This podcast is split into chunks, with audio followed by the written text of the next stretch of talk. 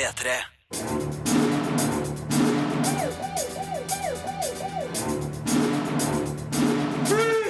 Filmpolitiet! What's your name, dude?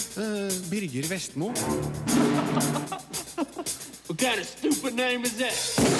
Ja, Godt nytt år og velkommen til 2014s første utgave av Filmpolitiet. Årets første premierefilm er Paranormal Activity The Marked Ones, som anmeldes. Vi skal òg synse om Sherlock sesong 3, episode 1, som vises på NRK1 i kveld, og Game of Thrones sesong 3, som starter på NRK3 i morgen. Vi skal se fremover og fortelle hvilke filmer, spill og serier vi gleder oss mest til i 2014. Og dagens gjester er brødrene bak TV-serien Mammon, Vegard S. Eriksen og Gjermund S. Eriksen. Filmpolitiet P3. Filmpolitiet anmelder film. Og det er kollega Rune Haakonsen som skal anmelde eh, ukas eneste norgespremiere, nemlig Paranormal Activity The Marked Ones. Eh, Hei, Rune. Hei, Birger. Og eh, stemmen din den bærer preg av at du nå har vært ute og sett en skummel film som du har skreket mye til, eller? Eller ikke så veldig mye, rett og slett. Paranormal Activity The Marked Ones er en ny spin-off-film i da den ganske så kjente serien av found footage-filmer. La oss høre litt på lyd her. The lady who got killed, she lives right under me. I had an idea. Let's go check downstairs. Holy, there's blood everywhere. Katie, Katie and Christy. What is this? This is some black magic stuff. Hey, She's got pictures of you. How does she have pictures of you? Dude, I had craziest dreams. Check it out. what is it? It looks like a like a bite or something. I've been getting this weird feeling. Have you guys ever felt like something is watching you? Jeg gjette noe om handlinga her, Rune, så vil jeg tro at det er noen som har et sånt videokamera som, som man filmer skumle ting med. Ja, altså, Det handler om to kamerater som da får seg et videokamera og begynner å, å undersøke litt hva som skjer med den mystiske dama som bor i første etasjen, i etasjen under denne ene karen. Og så viser det seg selvfølgelig, selvfølgelig at her er det noe mer gærent eh, på ferde. Og plutselig så forsvinner den gamle dama ut på en likbåre, og da starter det hele. De forrige filmene i denne serien har jo eh, brukt overvåkningskamera og mobiltelefoner og videokamera. Hva er liksom eh, gimmicken i denne filmen? Den gimmicken her er rett og slett at han har en GoPro-kamera, et sånn bærbart lite HD-kamera som han tar med seg rundt og filmer, og du blir med på veldig mye av det som skjer. Eh, Og selvfølgelig med at du kan være med inn i mørke, skumle rom, så får du også være med på de skumle tingene som da skjer underveis i filmen. Men det interessante her er at selv om jeg syns dette her er en skrekkfilm med et egentlig ganske solid manus, så faller Paranormal Activity, The Marked Ones, gjennom på at den ikke er skummel. Særlig skummel, egentlig. Jeg sitter i salen, og, og jeg, jeg har jo kommet rett fra kino nå, altså rett inn i studio her, og, og det jeg tenkte, var jo sånn Ja, men Hvorfor, hvorfor er ikke det her mer skummelt? Det har potensial til å være skikkelig skummelt, men det klarer aldri å bli det. Så det høres for meg ut som at det her er mer av det samme, uten å være så veldig mye nytt. Ja, og det er jo manusforfatter Oren Pelly, produsert også, han som regisserte den første filmen. Han er med og holder en rød tråd gjennom disse filmene. Det er noen små skal vi si, uh, muligheter til å se koblinger til de andre filmene i serien, men alt i alt så er det for dårlige skuespillere og for lite skal vi si, Det er litt vanskelig å se, sette fingeren på hvorfor det ikke var skummelt, men jeg tror en av grunnene er at denne filmen er laget for et øh, latinamerikansk publikum. Det knyttes ofte opp mot øh, da meksikanske tradisjoner, mot katolske ritualer osv. Noe som kanskje ikke sitter så nært den norske skal vi si, bevisstheten, som gjør at mange av de skal vi si, undertekstene rett og slett går meg hus forbi. altså. Og dermed får Paranormal Activity The Marked Ones Terningkast tre. Filmpolitiet! På P3. 2014 har så vidt begynt, og vi i Filmpolitiet skal nå fortelle hva vi gleder oss mest til innen film, spill og serier. Og vi starter med film. Andreas Hatzel Opsvik og Rune Haakonsen. Hallo, hallo. Altså, nå det er jeg som har lista opp de fem eh, filmene her, da. Så dere har bare å være enige med meg. Men vi er, jo, vi er jo helt enige, for øh, det det tegner seg allerede til å bli et øh, tettpakka filmår. og Det er mye å se fram til, altså. Ja, Og så er det viktig å huske at de filmene vi nå skal nevne, ikke nødvendigvis dem vi er mest opptatt av når året nærmer seg slutten. Fordi eh, som i fjor, eksempel, The Act of Killing og Captain Phillips, som jeg ga terningkast seks, eh, de var ikke med på tilsvarende liste for et år siden. Men jeg har ganske stor, stor tro på at eh, følgende er mm, en av godbitene. Hør her. My name is Jordan Belfort. The year I turned 26, I made $49 million, which really pissed me off because it was three shy of a million a week. Was all this legal? Absolutely not. The Wolf of Wall Street har altså da premiere 31. januar. Det er Ikke lenge til. Ny film fra Martin Scorsese med Leonardo DiCaprio i hovedrollen. Hvem gleder seg? Ja, jeg gleder meg veldig, og ikke minst fordi at filmen allerede har øh, øh, skapt veldig mye skal vi si, øh, kontroverser og diskusjoner etter sin lansering i USA, blant annet. Så da ble på en av Oscar-visningene, hvor filmen vises for Oscar-akademiets medlemmer, så øh, ble øh, Scorsese verbalt angrepet etter visningen, og, og, og virkelig fikk høre det på at dette var noe moralsk forkastelig møkk. Ja, for det viser jo diverse meglere, sånn børsspekulanter, som sånn, framstiller litt som de skitneste menneskene i verden. Og Det er jo derfor jeg synes det er litt artig at diverse norske meglerhus allerede har begynt å kjøpe opp billetter til førpremieren på denne filmen. Det, jeg vet ikke om det helt vil leve opp til det da, som, som denne Jordan Belfry-personen er. The Wolf of Wall Street, premiere 31. januar. Her er en annen eh, premierefilm som eh, vi gleder oss veldig til. I was born a free man, lived with my family in New York Be good for your mother. until the day I was deceived, To Solomon. kidnapped, sold into slavery. Well, boy, how you feel now? My name is Solomon North. I'm a free man, and you have no right whatsoever to detain me. You're no free man. You're nothing but a Georgia runaway. 12 Years a Slave har også premiere 31. januar, så det blir litt av en premieredag. Og, eh, det her eh, er en av eh, årets store Oscar-favoritter. Mm, Steve McQueen er regissøren bak. Han laga da i 2011 filmen Shame, som vi også likte veldig godt. Men nå går den da i en helt annen retning. Vekk fra eh, ensom eh, mann i New York til da eh, den mørke slaveperioden i USA. Men det er litt sånn for Oscar-bait, dette. Altså, det sånn, det føles litt som den er laga for å få Oscar. Ja. Ja, altså Jeg skjønner hva du mener. Jeg skjønner hva du eh, mener. Du, du tenker nå på The Butler av Ja, Lee for- ja, Daniels, for eksempel, som var eh, lignende Oscar-bait til sist. Ja, det, det, det ser jo helt fantastisk ut. Fantastisk rollegalleri, nei, skuespillergalleri, ikke minst. Men jeg te- begynner alltid litt sånn når det nærmer seg Oscar-utnevnelse. Men det sies at Chivetel Eyofor gjør en kjemperolle eh, som eh, Ja, i hovedrollen, da. Og eh, når Steve McQueen lager film om eh, slaveproblematikk på 1800-tallet, så jeg er solgt. Denne filmen skal jeg se. Jeg har veldig stor tro på at Twelve 12 Years a Slave blir en stor opplevelse. Og ja, en eh, Oscar-favoritt er det altså. Skal bli spennende å se om den raker inn eh, en pris eller to. Vi går kjapt videre til neste film som vi gleder oss til i 2014. No. What did he say? He's going to destroy the world. A great flood is coming. We build a vessel to survive the storm.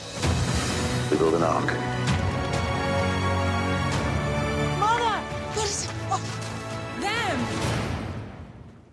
Et bibelsk epos der. Eh, Noah med Russell Crowe i hovedrollen og Darren Aronofsky bak kamera. Jeg må si, Det er litt rart å høre det her i sånn amerikansk trailerversjon, når man egentlig har en tanke om at dette er en bibelsk fortelling om ikke sant, ja, syndefloden og alt sånn, og så kommer disse Dø!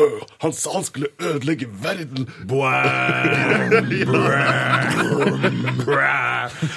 Men, det er nesten det. det, er nesten det. men jeg syns at det er noe rørende gammeldags over et sånt bibelsk epos. At vi får det her tilbake. Altså Ridley Scott lager jo også noe Exodus. Yes. Nettopp, nettopp. Så, uh, men er vi klar for, for det her nå i 2014? Jeg merker at jeg, jeg er litt sånn ambivalent til det, men, men, men jeg ser fram til filmen noe med, med ekstrem nysgjerrighet, nettopp fordi jeg, jeg lurer på eh, Er dette en, en, en tur tilbake til de storslagne, episke filmene? Jeg har lyst til å se en film som The Ten Commandments igjen. ikke sant? Jeg vil sånn se det! The greatest story ever told! Ganger fem. Men så her har vi Russell Crowe, Jennifer Connelly og ikke minst Anthony Hopkins i en liten birolle her også, så det er jo mye å håpe på. Og Noah, Darren Aronofsky OK, da. Jeg har trua. Jeg har trua. Nå eh, skal vi over på den fjerde filmen som vi gleder oss stort til i 2014. Will's body is dying, but his mind is a pattern of electrical signals. We can upload his consciousness. We can save him. Not like this. Assuming that this works, if we missed anything, a thought, a childhood memory, how will you know who you're dealing with? Det her er lyd fra Transcendence, som har premiere 2. mai. Og det her er Johnny Depp i hovedrollen eh, som en slags skal vi kalle det kunstig intelligens. Eh, Det handler i hvert fall om at hans rollefigur eh, dør. For å redde han, så blir hans minne, hans hukommelse, hans bevissthet lasta online. Og hva som skjer deretter, det er vi ikke helt sikre på. Og der er jo fra, fra foto, den faste fotografen Yes. til Christopher Nolan. eh, Altså Mannen som har fotografert Inception, The Dark Knight, Batman Begins, som nå da skal debutere som regissør. Det må jo bli spennende. Det blir veldig kult, i hvert fall. Han, han har veldig sans for det visuelle, så får vi se om han klarer å huke inn eh, historiemessig òg. Og traileren har nok av eh, visuelle godbiter til at jeg tror at det her kan bli litt av en science fiction-opplevelse. Vi håper i hvert fall at eh, Johnny Depp kommer litt ovenpå igjen etter eh, den lille fiaskoen med The Lone Ranger i, Tourist. i år. The Tourist. Og The Tourist, den har jeg allerede, har allerede glemt. glemt nå, vet du. Eh, Men når vi snakker om eh, Wally Feister, er det Feister eller Fister? Fister. Ja, så Fister. må vi, ja. til, må vi over til Christopher Nolan også. Ja. Eh, Vi, vi har jo da allerede sett en teaser-trailer fra herregud. hans neste film, Interstellar. Jeg ble litt mo i knærne, kjenner jeg bare tenkte på den der. Og jeg, jeg må bare komme med en oppfordring til deg som hører på Peter akkurat nå. Gå og se traileren til Interstellar, for det at det er en trailer som ikke ligner andre trailere i 2014. Nei, Den, den avslører ingenting av historien. Den Nei, altså- en følelse. Ja, altså, jeg, jeg tror ikke at noen av de bildene i den teaseren eller traileren er med i den ferdige filmen, og den forteller jo ingenting om hva filmen skal handle om. Det, det handler om at eh, menneskene vi, vi er pionerer, men vi har kanskje glemt det. Og så er det vel da en pekepinn på slutten av traileren til at vi skal ut og være pionerer igjen. Kikke ut i verdensrommet. Og jeg får gåsehud av å tenke på ja, Vi, vi vet det handler om en eh, romekspedisjon, og det skal forskes på såkalte ormehull, sorte hull og Altså. Aner jeg en liten sånn contact-vib her, eller Jodie Foster-filmen? Ja, vi har jo Matthew McConaughey i begge de her filmene. Så det Dette det kan, godt. det kan være, altså.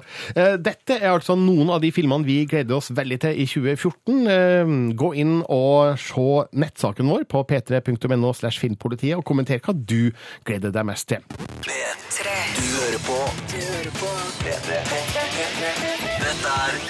Dette er P3. Her i Filmpolitiet snakker vi om det vi gleder oss aller mest til i 2014. Vi har vært gjennom film, nå skal vi over på spill. Og her er det jo i hvert fall en ny konsoll som er på vei, forhåpentligvis, Rune Håkonsen? Ja, forhåpentligvis. Eh, Xbox One-konsollen venter vi fortsatt på her i Norge. I går så sjekka jeg med Microsoft og hørte om de har kommet noe nærmere en fast lanseringsdato her til lands, men nei, ikke ennå. De vet ikke helt hva, eh, eller når den kommer, rett og slett. Nei, men vi vet at dette spillet er på vei i 2014. The heart of America. Feels like somewhere it must have skipped a beat. People haven't changed, but now everybody's broadcasting. And once you've seen it, all of it, how do you look away? Watch Dogs nærmer seg lansering. Skulle egentlig utgis eh, i fjor. Ja, ja, I november, faktisk, som en del av lanseringsrekka til PlayStation 4. Men dessverre, spillet ble utsatt. Det var tydeligvis ikke helt klart, kanskje. De ble litt eh, nervøse på hvordan de så det gikk med GTA 5, rett og slett. Eh, Så spillet ble satt eh, til andre kvartal 2014, og der står det foreløpig på en litt uklar lanseringsdato. Men det handler altså om en åpen verden, en slags dystopisk fremtid, en eh, slags eh, fiksjonsversjon av Chicago, hvor du kan gå rundt og møte andre spillere. Men det er hackingen her, nettopp denne cyberpunk-aktige elementet som, som gjør seg gjeldende, og hvordan det fungerer da i en åpen, moderne verden, hvor alle mennesker har en mobiltelefon, og du kan hacke hva som helst. Og dette er spillet som er nødt til å bevise for oss eh, hva PlayStation 4 går for. Ja, Det er jo det spillet som på en måte har lovt at det skal, det skal vise hvordan PlayStation 4 kan takle det med eh, Det blir sånn én spiller, men med flere spillere. Så hvis eh, serverne til, eh, til ja, Ubisoft og, Sony klarer det her, så kan det klare veldig mye rart. Ja, men vi har jo sett at slike online-løsninger har vært en veldig dårlig løsning i 2013. Men også bare nevne at Watchdogs kommer til PlayStation 3, Xbox 360, Xbox One, PC og PlayStation 4 når det da endelig kommer. Jeg gleder meg veldig til å se hva de egentlig har brukt tiden sin på. Et annet spill vi gleder oss til i 2014, er The Witcher 3 Wild Hunt. Six months into the invasion, Nilfgaard's legions had pierced the heart of the northern realms. Behind them, blood-soaked fields, war-swept wastes. A lone wolf roamed these broken lands, a beast slayer, a whirlwind of rage and steel. They say he was a man obsessed, chasing memories, faces, scents. Yet amidst the chaos, he could only follow his heart. Way. Litt, så, litt parodisk heftig der? Hvor sånn- mange klisjeer fikk man plass til der? Altså, da jeg hørte det her, så fikk jeg lyst til å bare ta på meg et sånt stort sverd og gå ut i skogen utenfor Trondheim her og bare gå og leite etter et en hjort. Beast Slayer. Du, tre, du trenger egentlig bare si Witcher 3, så begynner Rune å dirre. Det er veldig artig. Ja, hva er det her? Eh, Det her er rett og slett et voksent, og jeg understreker voksent, rollespill eh, fra den polske utvikleren CG, CD Project Red. Toeren ga jeg terningkast seks. Så det legger jo terskelen veldig høyt for oppfølgeren. Og det er igjen, vi skal følge da Geralt, denne merkelige uh, antihelten av en helt som går rundt og virkelig rydder opp i en fantasiverden. Hvor middelalderen er hovedinspirasjon, men drager og ondskap også lever side om side. Og det blir en fantastisk historie. Ja, altså. jeg har sett gameplay. Det ser solid ut. Ja, og det som er veldig kult med det her, at det altså, i motsetning til Watchdog, som vi snakket om i stad, så er dette et rent nestegenerasjonsspill. Det kommer kun på PlayStation 4, Xbox One, og da for de med kraftige PC-er. Og jeg er nysgjerrig og spent på hvordan dette spillet grafisk vil imponere. Siste spill vi skal ta for oss i denne runden, er Metal Gear Solid 5, The Phantom Pain. The world calls for wet work, and we answer. no greater good, no just cause. Cypher sent us to hell, but we're going even deeper. Take back everything that we've lost. Cause. Ja, det er både latter og glis her i studio. Hvis det i stad var overdreven pompøs, så er jo det her det er jo bare det, ja, Metal Gear Solid er sånn Det er bare apexet. Det, det er sånn Hideo Kojima vet hvordan han skal bare bygge på med Lego-klosser til en helt utrolig storslagen og selvfølgelig tullete fortelling. I Metal Gear Solid 5 The Phantom Pain så, så er jeg også veldig nysgjerrig på denne neste generasjonsaspektet. Hvordan grafikken vil, vil vise seg som en ny greie. Men det, altså, det er det å gå tilbake til dette uh, universet med Snake, hovedpersonen, som jeg gleder meg veldig til. Sniking, moderne krigføring og litt satire inni det hele. Det må bli bra. Så at Metal Gear Solid 5 The Phantom Pain er på min liste over One to Watch 2014. Er det flere vi burde ha nevnt her før vi spiller av neste låt? Eh, Veldig masse, men jeg kan i hvert fall lengte Super Smash Bros. Brawl til Wii U og 3DS for å ta en liten sånn Nintendo-ting jeg gleder meg ekstra mye til i året som kommer.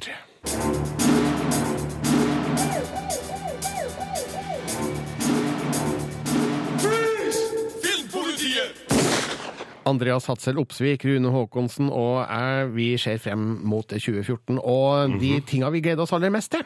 Vi har vært igjennom film og spill, og nå skal det handle om serier. Og da starter vi med noe helt eh, nytt, Andreas. Det gjør vi. Vi skal høre litt fra True Detective.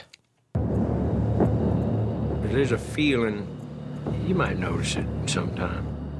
This feeling like life has slipped through your fingers. Someone once told me your life is just a nightmare you keep waking up into. You ever see something like this? No, sir. Not like a lot of dreams.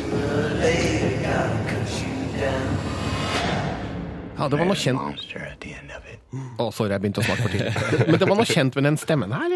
Det er Matthew McConaughey som fortsetter sin sånn McConaughey McConaughey. McConaughey Mannen som kanskje er mest kjent for å ta av seg skjorta på uh, utidige tidspunkt i alle mulige filmer, som endelig har begynt å skuespille. Blomstre, virkelig. Eh, Jeg er veldig spent på Dallas Buyers Club, apropos filmer, men nå skal vi holde oss til True Detective her, kanskje. Der er det HBO-serien, som er litt sånn, det virker litt som amerikanerne sitt forsøk på å lage en sånn Scandinavian noir, altså det der mørke krimserien som har vært veldig populære med, med Broen og Borgen og Forbrytelsen osv. de siste åra. Top of Lake, ikke Mhm, minst. Det er litt sånn amerikanerne sin måte å prøve å lage det her på, og det er da selvsagt et eh, Det virker litt som cold case, bare interessant, er liksom min korte oppsummering. Og viktigste her er at ved siden av eh, Matthew McConaughey så har vi Woody Harrelson. Og de to i to spann tror jeg er dynamitt, altså. Rett og slett. Så det her er kanskje den mest interessante nyvinningen på seriefronten i år.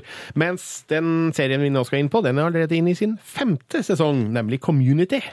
way I see it, I screwed you, I got screwed back. Now we can bygone the bygones because I got a juicy new client and a bone to throw you. You hear about that bridge that collapsed upstate? A human could have said that without salivating. I represent Marvin Humphreys, the engineer who designed it. He wants to seek damages. From what? His own pencil? From the only school reckless enough to give him a degree in engineering. Ok, jeg, jeg, vet du, Her skal jeg bare melde meg helt ut. Jeg har aldri sett et sekund av Community. Det er altså om en kollokviegruppe på en amerikansk eh, et college. Community, kan vi si. College. Community college, derfor heter det Community. eh, Som er ganske festlige, rare, artige, gærne og mye festlige ting skjer. Men viktigst av alt, grunnen til at sesong fem av Community er viktig å glede seg til, er at serieskaperen Dan Harmon er tilbake etter å ha blitt sparka ut i sesong fire, så man kan jo håpe at det igjen nå glimter og glitrer slik det gjorde i de tidlige sesongene. Det blir nok enormt mye metahumor. Det kan vi vel eh, fastslå. Absolutt. Veldig, Og en, altså en serie som, som Hvis du liker den der litt sånn sære, rare humoren, så er det bare å kaste seg over Community med en gang. Det er helt enig. Den neste serien vi skal snakke om, eh, den er det ingen som ikke gleder seg til. There are two kinds of pain sort of pain that makes you strong, or useless pain. Sort of pain that's only suffering.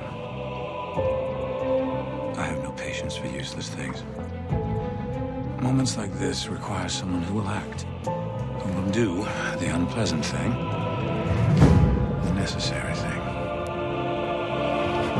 You think he's dangerous? You know he is. He's back, and this time he's mad. Kevin Spacey og Robin Wright i hovedrollene i House of Cards sesong to. Og det som er ganske kult, at det her er eh, blodfersk nytt fra internettet som jeg har på skjermen foran meg, er at serien faktisk skal strømme i 4K.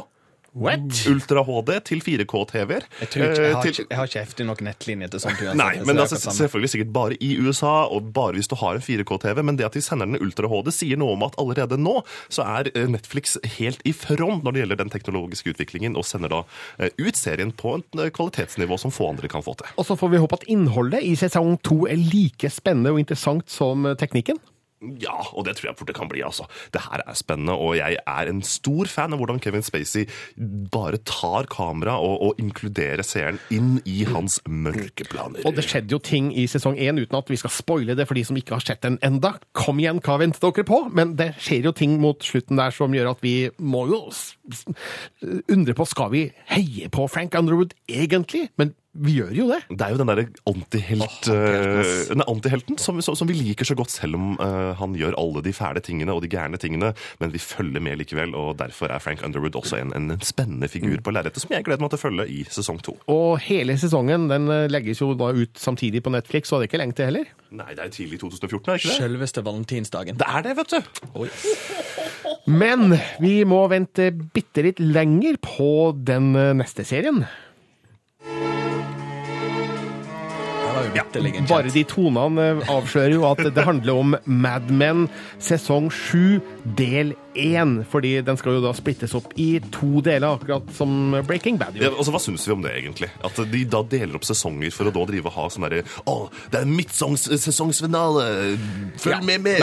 Altså, jeg, sy jeg syns de kan slutte å kalle det dele i to eh, sesonger, og bare kalle det to sesonger. Ja, hvorfor ikke? Jeg er helt enig. Nei, Det er vel eh, markedsføring, da. Det er penger som skal tjenes i kassa. Det fungerte så bra med Breaking Bad, derfor må jeg gjøre med alt. Men det til side. Jeg syns jo fremdeles at eh, Mad Men er en av de mest spennende og interessante TV-seriene ut eh, i markedet nå. Det, det, det er så sofistikert.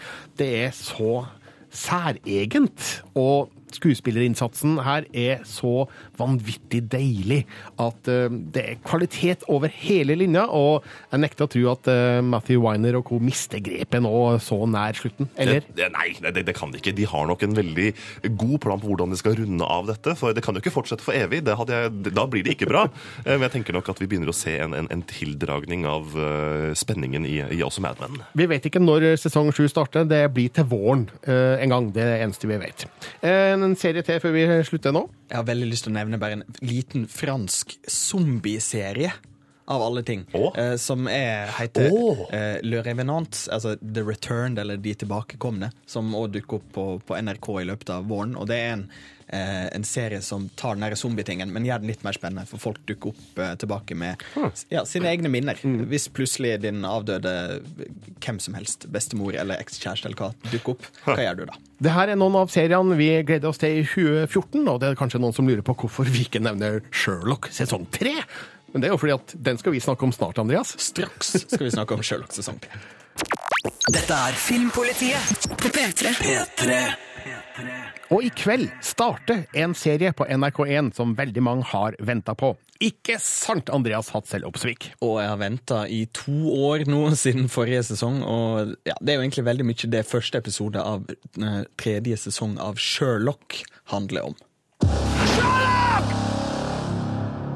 I don't care how you faked it.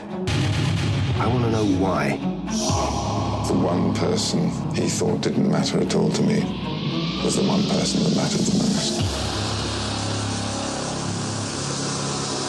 I think I'll surprise John. Hmm, over to Baker Street, who knows, jump out of a cake. Baker Street. He isn't there anymore. It's been two years. He's got on with his life. What life?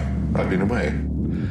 Her hørte vi blant annet Benedict Cumberbatch i hovedrollen som den moderne Sherlock Holmes. Og som sagt, sesong tre starter på NRK1 i kveld klokka 22.10, bare to dager etter at premieren var unnagjort på BBC.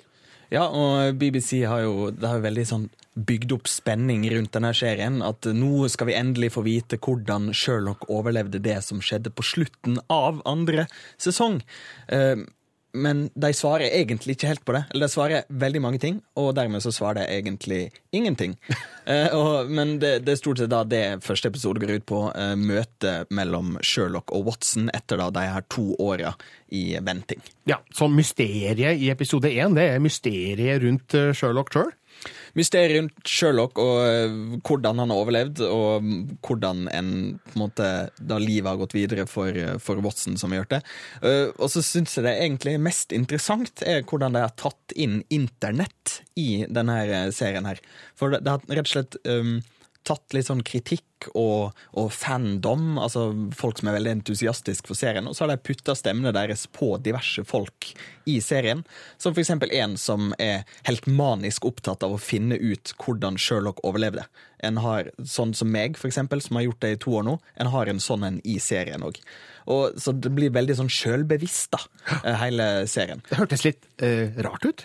Ja, litt sånn spesielt. Altså, det, det er jo noe som er lagd for fansen, selvsagt. Folk som har fulgt eh, ekstra godt nøye med. Og så er det da litt artig å høre uh, nettopp eh, Sherlock uh, si 'everyone's a critic', når han da hører hvordan folk kritiserer måten han har blitt vekke på.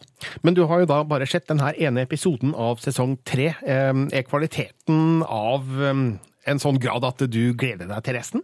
Og jeg gleder meg veldig. altså en episode, Vi snakker en og en halv times lange episoder, så det er jo nesten en film i seg sjøl. Første episode er god, kanskje litt vel sjølbevisst, og så er egentlig ikke mysteriet det er ikke så bra. eh, Så vi, vi, de lar mennesker snakke for seg sjøl. Sherlock sesong tre starter altså da på NRK1 i kveld klokka 22.10. I to deler, faktisk. Ja, de har snodd den rundt Kveldsnytt, eh, så får en se hva en tenker om det. Terningkast fem. Les mer om film, spill og serier på p3.no Filmpolitiet. På onsdag starta NRK-serien Mammon med én million seere, mye skryt fra anmeldere og en del pepper på sosiale medier. Jon Øygarden spiller journalisten som grev i en finansskandale der hans egen bror er involvert. Og I den første episoden ser vi hvordan en økokrimetterforsker, spilt av Lena Kristin Ellingsen, gir han verdifulle og uventa opplysninger. Jeg vet hvem kilden er. Hva er det du syns som ikke stemmer? Du kan umulig vite hvem den Bare kilden er. Det er altfor lite penger for hans liga. Det er altfor lite å risikere for. Ok? Hvilket forhold hadde du til han? Vet du noe, eller vet du ikke noe? Du må love å holde meg hemmelig. Da kan jeg si velkommen til produsent Vegard S. Eriksen og manusforfatter Gjermund S. Eriksen. Velkommen. Thank you. Takk skal du ha. Altså, Skarpe hjerner aner en relasjon her. Ja. Det, Hvis du sjekker etternavnene, så er det helt riktig. Vi er eh, brødre. Og jeg er kringkastingssjef. Ja, nettopp. Har dere sett mye TV sammen under oppveksten? Altfor mye. Det er, eh, noen vil påstå at det er et problem. Vi er- jeg syns ikke det. Vi, synes, vi er glad og elsker eh, TV. Når vi lekte cowboy, så var pappa Seb McCain. Eh, og det var han støtt. Dere krediteres begge for historien på forteksten, men bare Gjermund er oppført som manusforfatter. Altså, Hvordan har dere egentlig jobba fram denne serien? Vi har slåss eh, Nei vi har ikke nødvendigvis gjort det. Det, det har jo vært eh, er, Man jobber fram selve historien i et ganske svært, digert spekter, og det gjør vi sammen. Eh, Men det å gå ned og skrive ut de enkelte episodene, det er det Gjermund som gjør. Og det tror jeg er en så har vi en broderen har jo utdannelse innen dette. Jeg har, mener jeg har utdannelse i det sjøl, men når han tok den utdannelsen, så har jeg alltid skrevet ting som broderen har lyst til å lage og produsere. Så vi har jo skrevet ting sammen og for hverandre i 20 år. Så um, vi kjenner hverandre litt profesjonelt, ikke Mm. bare privat. Men hvordan ble Mammon født? Så når starta det her? Starta med at Gjermund eh, kom med et anslag i ca. rundt 2005 som eh, jeg syns var, synes var jævlig kult. Og vi ville kjøre videre på det. Og vi ville vel egentlig allerede da at dette skulle bli en TV-serie. Men at det skulle ta så lang tid, det Sånn er det altså i TV-dramaverden. Ja, Men eh, dere fikk en napp hos Statskanalen? Ja, det var jo en litt komplisert prosess, da, siden jeg selv jobber i Statskanalen og er eh, relativt eh, inhabil. Så, så måtte dette, alle disse forslagene til thrillere i NRK måtte sendes ut til en vurdering uta, utafor landet vårt. Og da var det Sven Clausen kom på banen og plukka ut Mammon, og han er en slags Yoda-figur for oss. Eh, En, en tre ganger Emmy-vinner. Så eh, han har vært en, en guru å ha med seg hele veien, det må vi si. Gjermund, du har sagt eh, tidligere at eh, serien setter fokus på medienes makt. Hvorfor ble det tema? Det er jo sjølve pitchen for hvor Nei, Vi mener jo at alle store thrillere som prøver å gjøre noe, ikke bare være skumle, men også være viktig, tar tak i fordommer eh, på et eller annet nivå. ikke sant? Alle presidentens menn, for å bare gå helt til urthrilleren. Eh, men du kan ta House of Cards og Damages, hvor man sier at det er noe spesielt urettferdig. For hvis du får den urettferdighetsfølelsen i bånn, så kan du dramatisere en ondskap. Eh, og da, eh, da som nå var vi utrolig glad i journalister ikke sant, fra alle presidentens menn. Vi syns at sider ved journalistikken, noen sider, er veldig problematisk. Og hvilken makt de har, og ikke alltid eh, at det er sunt at de jager i flokk, og at selvrefleksjonen kan bygges en historie rundt. Det var det vi sa. at det tror vi er, Og det visste jeg egentlig, for jeg jobber med markeds... Uh, jobba med mye rart, men bl.a. markedsanalyser. Og har jo da jobbet for aviser som markedsfører, og vet hvor mye frustrasjon det er med deres svakheter. Og hvor gleden er så stor ved deres styrker. Mhm. Så da sa vi at det her er et uutnytta potensial, og så jobba vi derfra. Vegard, det ble jo da trukket paralleller til Broen og forbrytelsen eh, lenge før premieren. Altså, Hvorfor ble lista lagt der? Vi, altså, vi, enten så får du lage dette her og tro på det du driver med, eh, eller så får du la være. Og det er klart at når det er eh, så få serier som lages i Norge, og vi har helt klart hatt eh, store ambisjoner Forbildene våre ligger lenge før Broen og, og Forbrytelsen. De ligger mer i, i State of Play og en del andre eldre, eldre serier. Men, men de er forbilder på den måten at de har bana vei og, og gjort sånn at det er lettere å få folk til å bli glad i TV-drama og thrillere. Og det er kjempebra. Og da er det bare å hive seg på bølgen. Og altså det er, alle ser jo på Det er jo så mange som ser på serier fra ulike land. Så det er, serier er internasjonal konkurranse. Det er så, vi konkurrerer jo med helt, helt vilt gode serier. Eh, Så det, da er det, det er veldig rart å si vi skal gjøre noe, men vi vet at eh, vi tror ikke at det blir like bra. Nå fikk jo Mammon god mottakelse av de som har anmeldt eh, serien. Flere terningkast fem og en terningkast fire, og det er vel dere fornøyd med? Ja, det er vi veldig godt fornøyd med. Det var eh, faktisk nesten i overkant. Så, eh, vi har ikke- Overkant er det aldri! Men så er det jo da noen som ikke har vært fullt så fornøyd, og da spesielt på Twitter. Ja. Eh, Det, det er ikke du så veldig glad for, Gjermund. Hvorfor ikke det?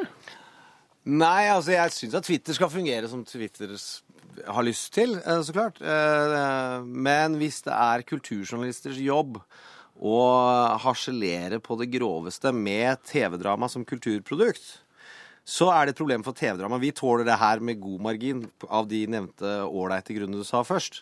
Eh, Men de, folk snakker ikke sånn om bøker og film og musikk, altså. eh, I disse, disse publikasjonene har, hvor folk har kultur i tittelen sin. Og det gjør meg er jo, Vi kan jo ikke krangle med dem. Ja, men du er ikke redd for å bli oppfatta som hårsår nå, da? Det må jo være lov å være negativ til, til noe?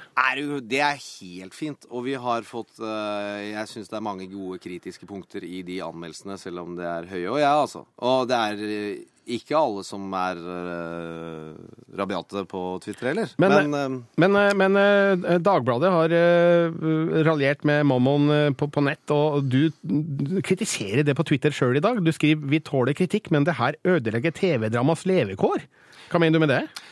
Det går på at hvis kulturaviser og aviser med den type tilnærming til vårt, dette, denne type produkter, hvis det skal være slik at det er eh, ingen faglighet skal påligge folk med av journalister av den som har det som arbeidsfelt, mens de ville aldri gjort det med en fantastisk eh, thrillerforfatter eh, eller en fantastisk eh, film, som også har tatt valg som ikke nødvendigvis går opp til eksamen, står seg godt til eksamen i eh, at alle kjenner seg igjen i hverdagen. Det syns jeg er rart. Men TV-drama er jo bare nytt at det er akseptert som et kulturprodukt. Så det kommer til å ta litt tid, og så tror jeg vi Men vi, eh, vi visste jo når vi eh, lagde dette her om journalister, at det selvfølgelig kommer vi til å, å legge hodet eh, godt på blokka. Det er jo ikke noe Det, det, det fortjener vi. Ja, for det er i hovedsak journalister som har gått ut her og kritisert hvordan journalister portretteres i serien. Ja, og når de portretterer folk hver dag, så er det vel ikke mange yrkesgrupper som har ringt og takka for at det var så feiende flott hvordan du har framstilt leger og advokater, statsadvokater og politifolk i de siste avisene. Eh, og jeg syns det er synd, for det er utrolig mange flinke journalister òg, altså. Og vi har fått veldig mange som ikke nødvendigvis tvitrer uh, hyggelige meldinger, men uh, fra den standen som sier at dette er litt over toppen allikevel. Jeg gleder meg til den første filmen om en filmanmelder. Den skal jeg anmelde! Ja, det er en god idé. Men altså, serien Mammon handler om medienes makt, og hva vi er inne på i sted. Det er ikke Twitter-reaksjonene og, og medias omtale av dem også et eksempel på medienes makt, Vegard? Jo, jeg vil si det, og det er, eh, men det er, og det er veldig interessant. for at når du står på utsiden, så tenker du nei, ja, dette er bare å tåle og, og heng på, det er bare gøy og fint med engasjement og sånn, men det er, ikke noe, det er ikke noe tvil om at det er slitsomt altså, med, med et sånt mediekjør eh, som går eh, med plusser den ene dagen og minuser den andre dagen, og så er det på'n igjen.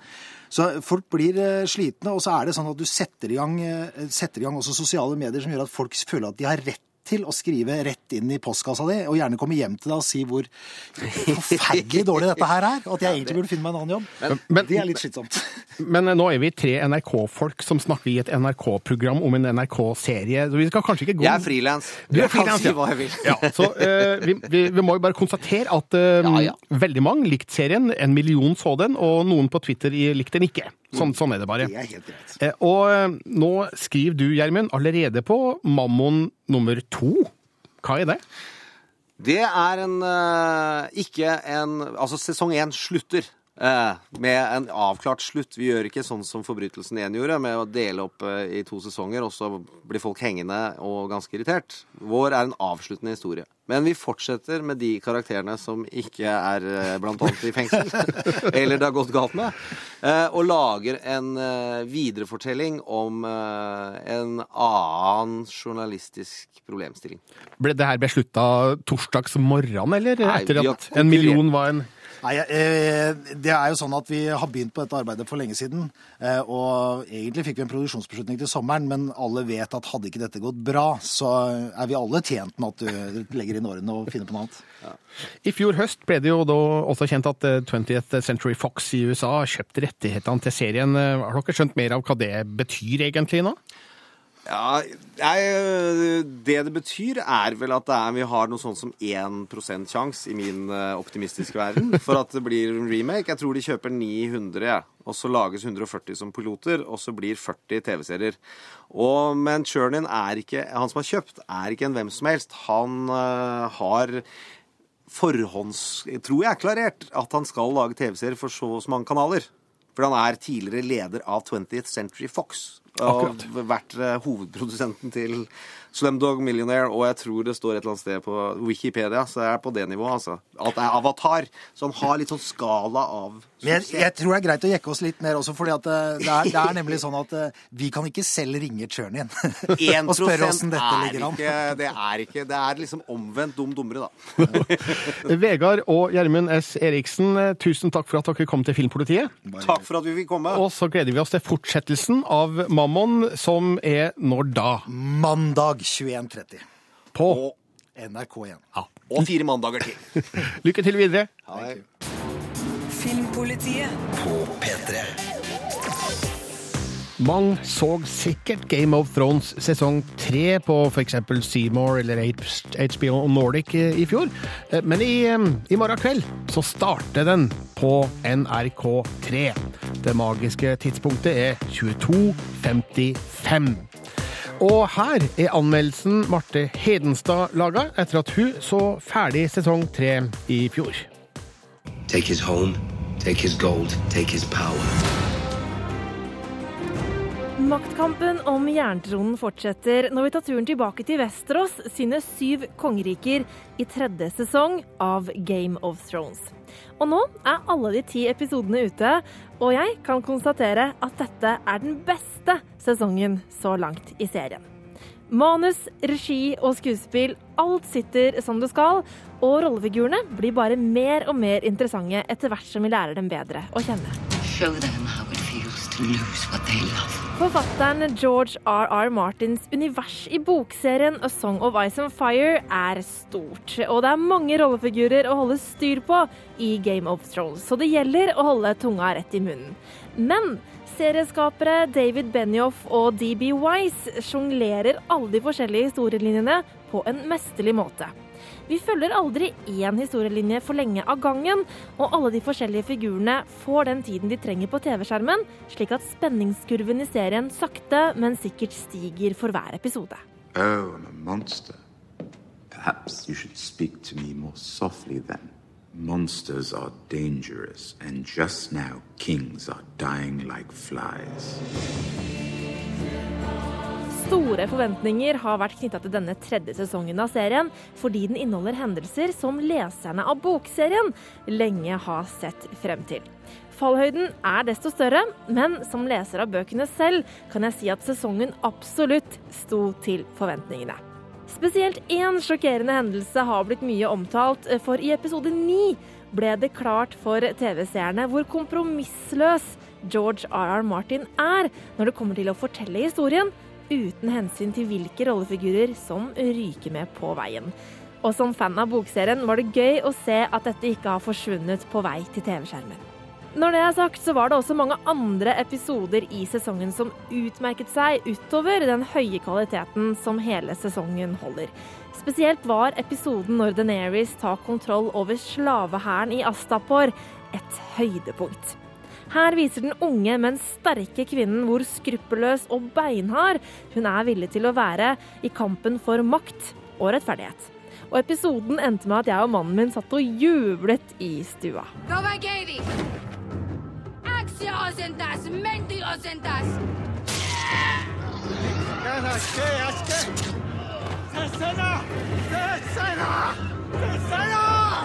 Jeg har lest alle bøkene i George R.R. Martins A Song of Ice and Fire flere ganger, så jeg vet at eventyret det har så vidt begynt. Det er mye mer å glede seg til i sesongene som kommer.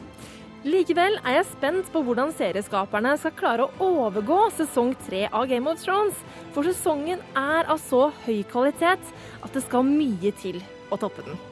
Vi får bare håpe at seriemester HBO og alle de involverte fortsetter å levere like godt som de har gjort til nå, for det kan jo ikke bli bedre enn dette. Kan det? Terningkast seks. Dette er Filmpolitiet. Filmpolitiet På P3. Sesong tre av Game of Thrones starter altså på NRK3 i morgen klokka 22.55. Filmpolitiet På P3. Som jeg sa i sted, vi har snakka mye om TV-serier i dagens utgave av Filmpolitiet. Og mer prat om TV-serier blir det på nrk.no på mandag kveld, etter visning av Mammon episode to. Og det skjer i nettserien Serieuniverset, som hostes av Mikael Olsen Lerøen. Velkommen, Mikael. Takk skal du ha, Vegard. Takk skal du ha. Du er mest kjent kanskje som programleder av programmet Filmplaneten for en ti års tid tilbake?